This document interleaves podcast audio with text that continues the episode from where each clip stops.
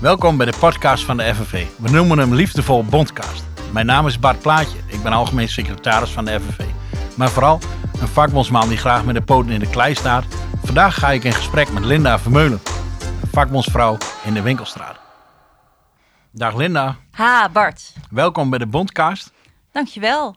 Eh, even voor de eh, luisteraars. Jij zit hier eh, samen met mij in deze podcast. We gaan stilstaan bij onze vakbond en alles wat daar eh, aan gebeurt. Het moet niet gekker worden.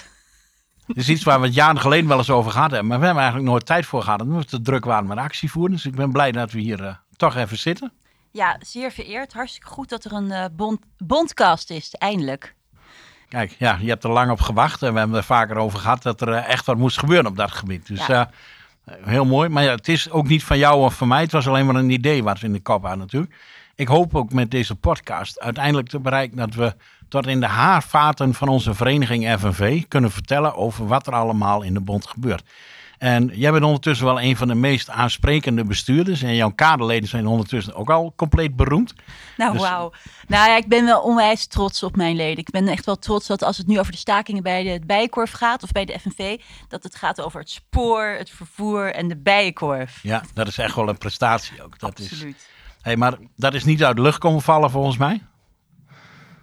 Klopt, er is echt wel wat aan de hand. En eh, we zijn al heel lang met de vakbond eh, actief bij de Bijenkorf. Wat hebben mensen daar beleefd? Waarom, er is toch altijd een reden dat mensen in actie komen. Dat ze aan de bak gaan. Dat ze durven. Hè? Want eh, ik kan me voorstellen dat het hoge management bij een bijenkorf denkt van nou, ik ben zo liever kwijt dan rijk. Dan kan het heel spannend zijn om daar naar buiten te lopen en zeggen ja, maar vandaag even niet. Ja, nou, kijk, in de, winkel, de winkelstraat, dat is een plek ehm, waar de lonen zo'n beetje het laagste zijn van heel Nederland. En ehm, ik ben nu vijf jaar actief bij de Bijenkorf. En je merkt wel dat er nu een soort momentum is. Dat er iets, echt iets aan de hand is in het land. Ik weet dat ik toen ik eh, vier jaar of vijf jaar door de winkel liep en ik had het met mensen over hun loon. Ja, dat dat, dat, dat, er, dat er dan niet meteen een enorme vonk oversloeg. Wel bij andere onderwerpen, bijvoorbeeld roosters. En eh, nou, er zijn er wel meer onderwerpen die echt leven binnen de bijenkorf. Maar nu met, eh, met die eh, hoge inflatie, dat echt alles duurder wordt.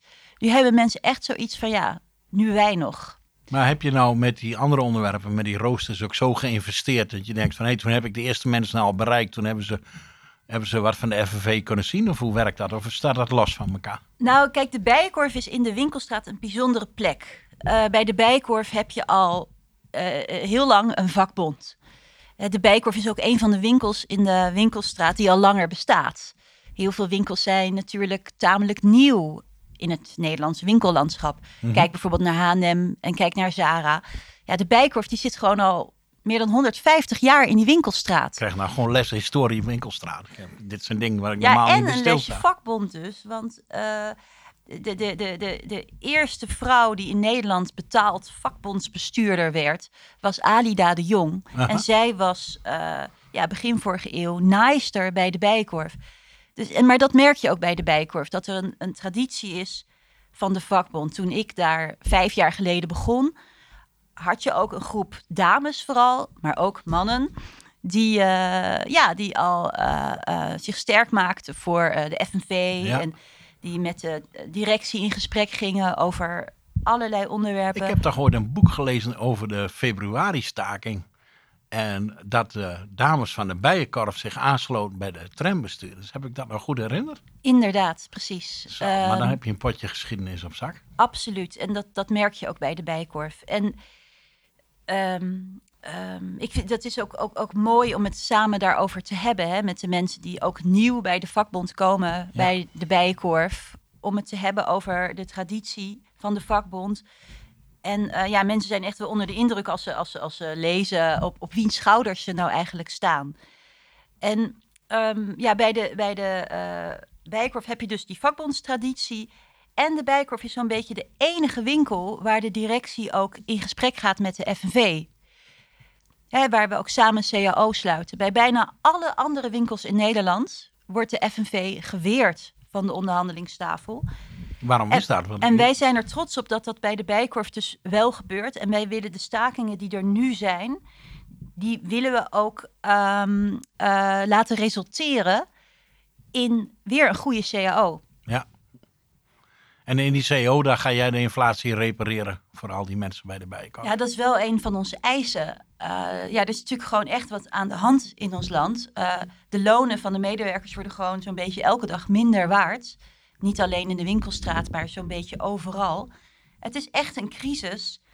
En ik vind het heel goed dat de FNV daar gewoon zo stevig uh, ingaat met een oplossing, namelijk uh, uh, inflatiereparatie plus wat extra's. En, ja, en bij de bijkorf zijn de lonen dus vaak onder de 14 euro per uur. Dus die moeten eerst nog naar die 14 euro. Dat is toch ook bijzonder, hè? Bij zo'n winkel als de bijenkorf. Dat je gewoon... Ik, ik ga er altijd vanuit dat je met een bijenkorf werkt. Die dames zien er altijd uit dus om door een ringetje te halen. Ze hebben overal verstand van. Ze zijn totaal geschoold. Het past er helemaal in die chique sfeer. En die zitten dus onder de 14 euro qua uurloon. Ja, de meeste wel, inderdaad. En, um, maar wat je zegt, inderdaad. Kijk, als je als winkel uh, de vloeren met marmer kunt bekleden, dan moet je ook in staat zijn om je mensen normaal te betalen. Dus 14 is gewoon het minste. En uh, de directie van de Bijkorf kan echt uh, onwijs uh, zijn handjes knijpen met de mensen die daar nu werken. Is jouw relatie Want, met de directie nu naar de Galamies? Uh, nou, wij komen hier allemaal beter uit op termijn. En kijk, onze acties zijn eigenlijk gewoon één grote aanmoediging voor de directie om met de vuist op tafel te slaan bij de aandeelhouders. Want daar gaat het uiteindelijk om. En in de directie, uh, de CEO Giovanni Colauto, die zit ook al iets van twintig jaar daar in de top van het bedrijf. Kijk, die heeft natuurlijk ook hard voor de zaak. het wordt gewoon tijd dat daar in die directie een cultuurverandering plaatsvindt. Dus dat ze gewoon weer echt luisteren naar de medewerkers. En we hadden laatst een gesprek over de CAO-onderhandeling. Nou, was in de zomer. Toen vertelde een van de dames wat haar uurloon was.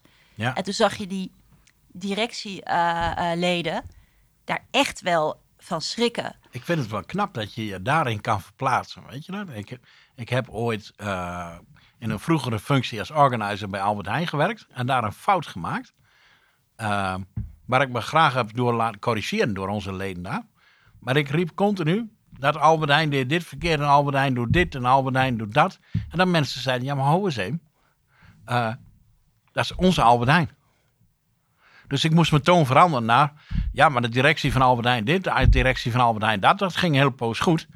Totdat ze een people's manager op, op een bepaalde vestiging kreeg, waar ik heel veel leden had. Toen moest ik die boodschap weer aanpassen. Ja, interessant, want mensen willen trots zijn op hun bedrijf. Ja, ja. En, en, en dat is inderdaad uh, iets waar wij uh, vanuit de vakbond altijd over moeten nadenken. Hè? Over, over onze boodschap. Want inderdaad, het deugt natuurlijk voor geen meter dat een directie de lonen zo laag houdt. Maar hoe deed jij dat dan uiteindelijk? Uh... Ja, iedere keer weer luisteren naar de essentie van waar mensen hun identiteit vinden. Ja. Ehm, ik heb met automonteurs gewerkt die zichzelf heel anders ervaren als dat de schoonmaker zichzelf ervaart. Maar ze hadden allebei wel een koosnaampje voor zichzelf. Zo'n koosnaampje, wat heel, door heel veel mensen gebruikt wordt. Uh, schoonmakers noemen zich heel vaak poetsers.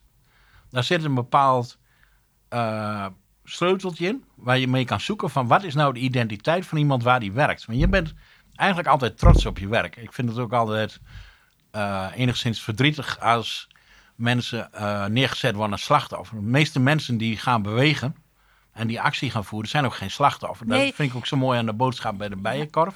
Mensen staan voor hun werk en voor wie ze zijn. Je werk is onderdeel van je leven. Absoluut.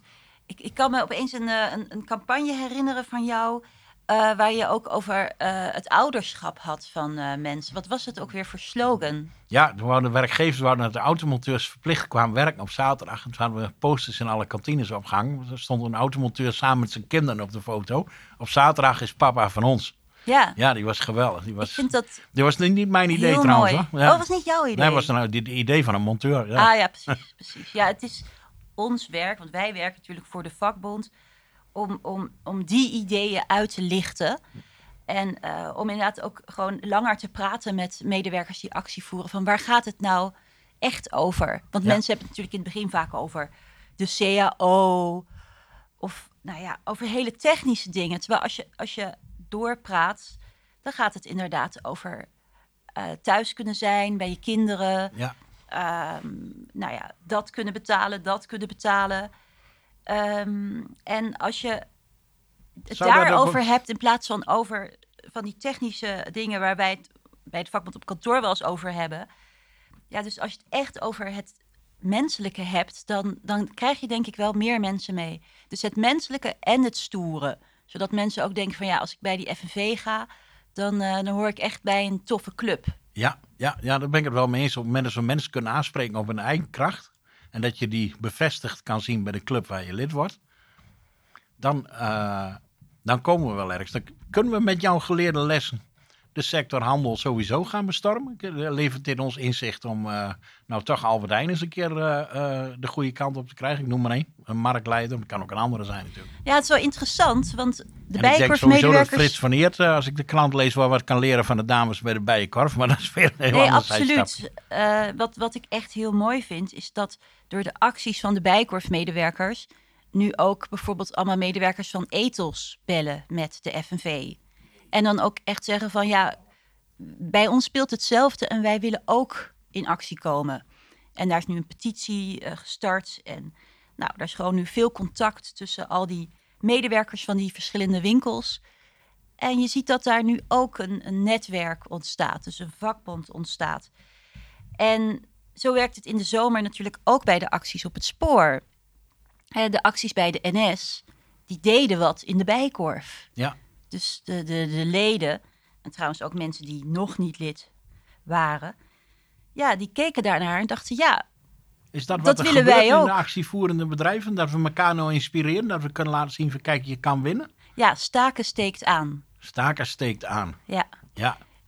En uh, het inspireert en um, um, ja, ik, daar, daar ben ik van overtuigd. Het, het, het, het geeft mensen ook zelfvertrouwen om niet leidzaam toe te blijven kijken hoe de arbeidsomstandigheden steeds slechter worden, maar om de macht te grijpen, om uh, uh, samen met elkaar gewoon voor iets op te komen wat, wat heel vanzelfsprekend is of zou moeten zijn. Heb je nou het gevoel dat mensen denken dat ze beroofd worden op dit moment met, met, met inflatie zoals het gaat? Toornogen, leden, of, uh, toornogen winstcijfers en dan vervolgens niet uh, uh, zelf er een, een, loonsverhoging uit kunnen halen totdat je gaat staken? Is, is dat nou ja, sentiment of dat is natuurlijk wel negatief weg? wat er aan de hand is.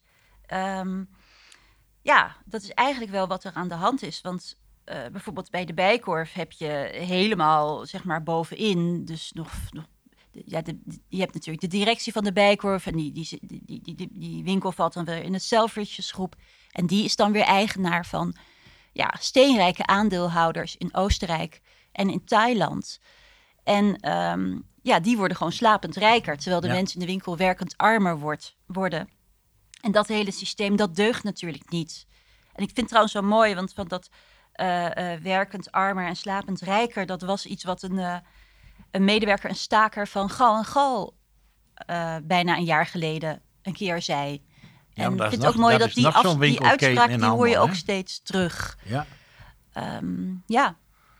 Ja, wat dat betreft, ik denk ook wel dat we bijzondere tijden induiken. En ik, uh, ik zei pas geleden nog tegen een collega, eigenlijk heeft uh, de Nederlandse economie iets vervormd in de Nederlandse taal. En dat, daar moet ik steeds aan denken. Als ik dit zo hoor van zo'n aandeelhouder die in ver weg is staan, uh, gewoon slaaprijk zit, wordt ten koste van de arbeid van mensen.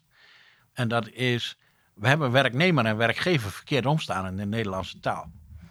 Als je uh, een werkgever is een baas van een bedrijf, die heeft een pand en die heeft een zak geld. En in onze economie is het zo bepaald dat een zak geld die stilstaat, die wordt minder waard. Ja, dat, snapt iedereen. Dat is basiskennis economie. Uh, pas als de arbeider, hè, de, dames van de bijenkorf, naar binnen komen, die gaan aan het werk, dan gaat die zak geld groeien. Dat noemen we winst. Dus eigenlijk heb ik iemand die heeft een pand en een zakje geld. En die neemt arbeid van de arbeider, van degene die komt werken. En daarmee uh, uh, maakt hij meer geld van zijn eigen geld.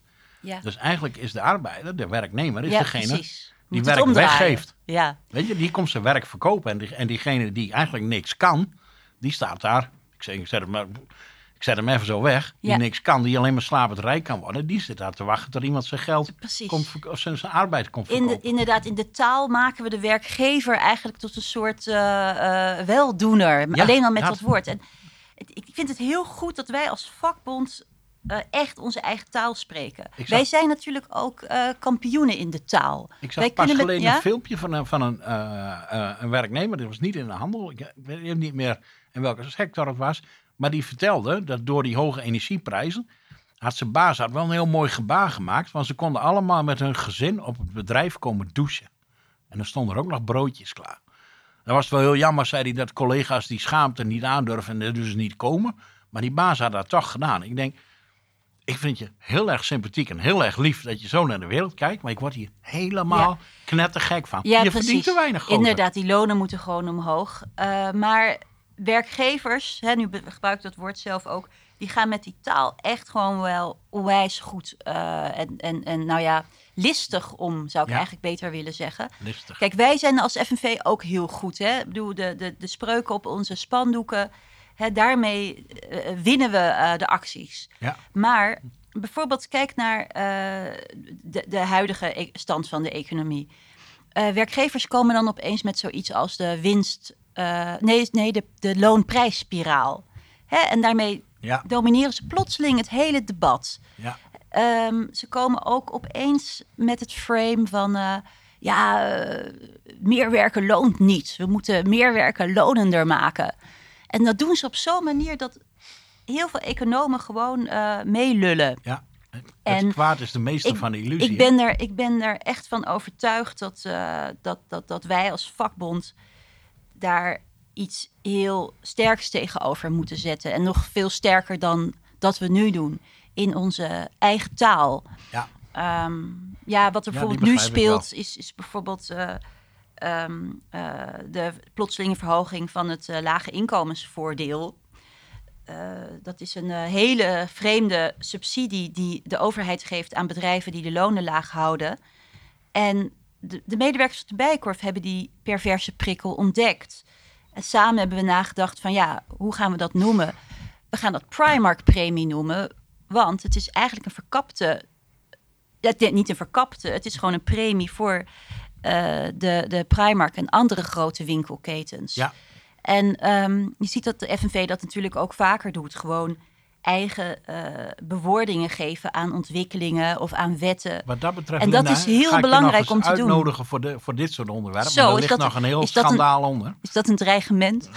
Het is in ieder geval een belofte. En een belofte kan altijd een dreigement worden. Nee, gekheid.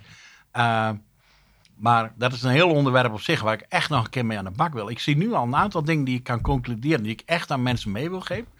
Jij zegt, degene die echt geld verdient aan de uitbuiting zit zo ver weg dat ik moedig de directie aan om met de vuist op tafel te slaan. Zodat er een Ja, fatsoenlijk inkomen komt. Die is Ja. heel erg belangrijk. Dat vind ik een belangrijk geleerde les waar mensen ook misschien mee verder kunnen. Stel nou, ik ben iemand en ik zit, ik ben FNV-lid en ik, en ik eh, wil graag eh, eh, ook aan de bak. Maar mijn collega's zijn nog niet lid, hebben misschien nog nooit van een vakbond gehoord. En ik zit aan en ik wil wat doen.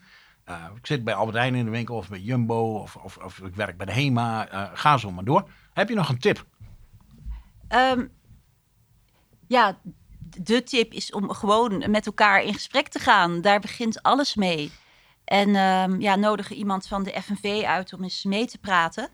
En eh, ja, we hebben de afgelopen tijd ook bij andere winkels groepen opgebouwd. Dat begon altijd gewoon met een gesprek. Ehm, ja, kijk, ik heb het natuurlijk best makkelijk als vakbondsbestuurder. Ik kan gewoon door de winkels lopen. Ja. En daar kan ik gewoon met medewerkers praten. Het is natuurlijk veel lastiger om in, contact te komen met mensen die in een distributiecentrum werken. Maar ook daar kun je wat verzinnen. En daar zijn we bij de FNV ook gewoon eh, ontzettend goed in. En ja, verder gewoon zo, zo, zo, zo, zo goed mogelijk het gesprek aangaan. En ehm, Dat ook gebruik hem, maken van de creativiteit van mensen. Zoals bij de Bijkorf hebben ze het woord Be United bedacht voor hun eh, eh, vakbondsgroep. Echt een eigen eh dat is ook de identiteit waar we ja. het over hadden. Hè. Die blijft belangrijk. Be United is in mijn ogen redelijk briljant. Maar dat is ook van afstand. Dat zul je samen met de mensen opgebouwd hebben en bedacht hebben. Dus een stukje identiteit en hoe je, met elkaar, hoe je elkaar aanspreekt. En als het begint te bewegen, hoe je dat verbindt. Aan de hand van je identiteit vind ik ook nog wel belangrijk. Precies. En ook gewoon echt met elkaar duidelijk maken waar je voor staat. Dus niet voor technische dingen als een CAO of zo. Eh, je, je- eh, ik vind het wel mooi bij de acties bij de Bijkorf komen veel jongeren naar buiten. En als ik hen spreek, dan staan ze daar eigenlijk niet voor die 10% of voor koopkrachtreparatie. Ze staan daar voor rechtvaardigheid. Ja, En dat is waar wij in de kern als vakbond voor opkomen. Voor gewoon normale omstandigheden, eerlijke verschillen. Ja, voor rechtvaardigheid. ja. Dat, is waar, dat is waar wij voor op deze wereld zijn. hey Linda, we zijn al eh, eh, mooi in gesprek zo. Ik nodig je vast nog een keer uit, want ik, ik heb nog wel tien dingen waar ik nieuwsgierig naar ben. Dank je wel. Ja, graag gedaan. Hartstikke goed. Zet hem op Bart. Yes, jij ook. Pak ze en winnen die handen. Absoluut. Bedankt voor het luisteren naar de FNV podcast. Wil jij in jouw bedrijf ook in beweging komen? Neem contact met ons op. Kijk op fnv.nl voor alle manieren van contact. Tot de volgende keer.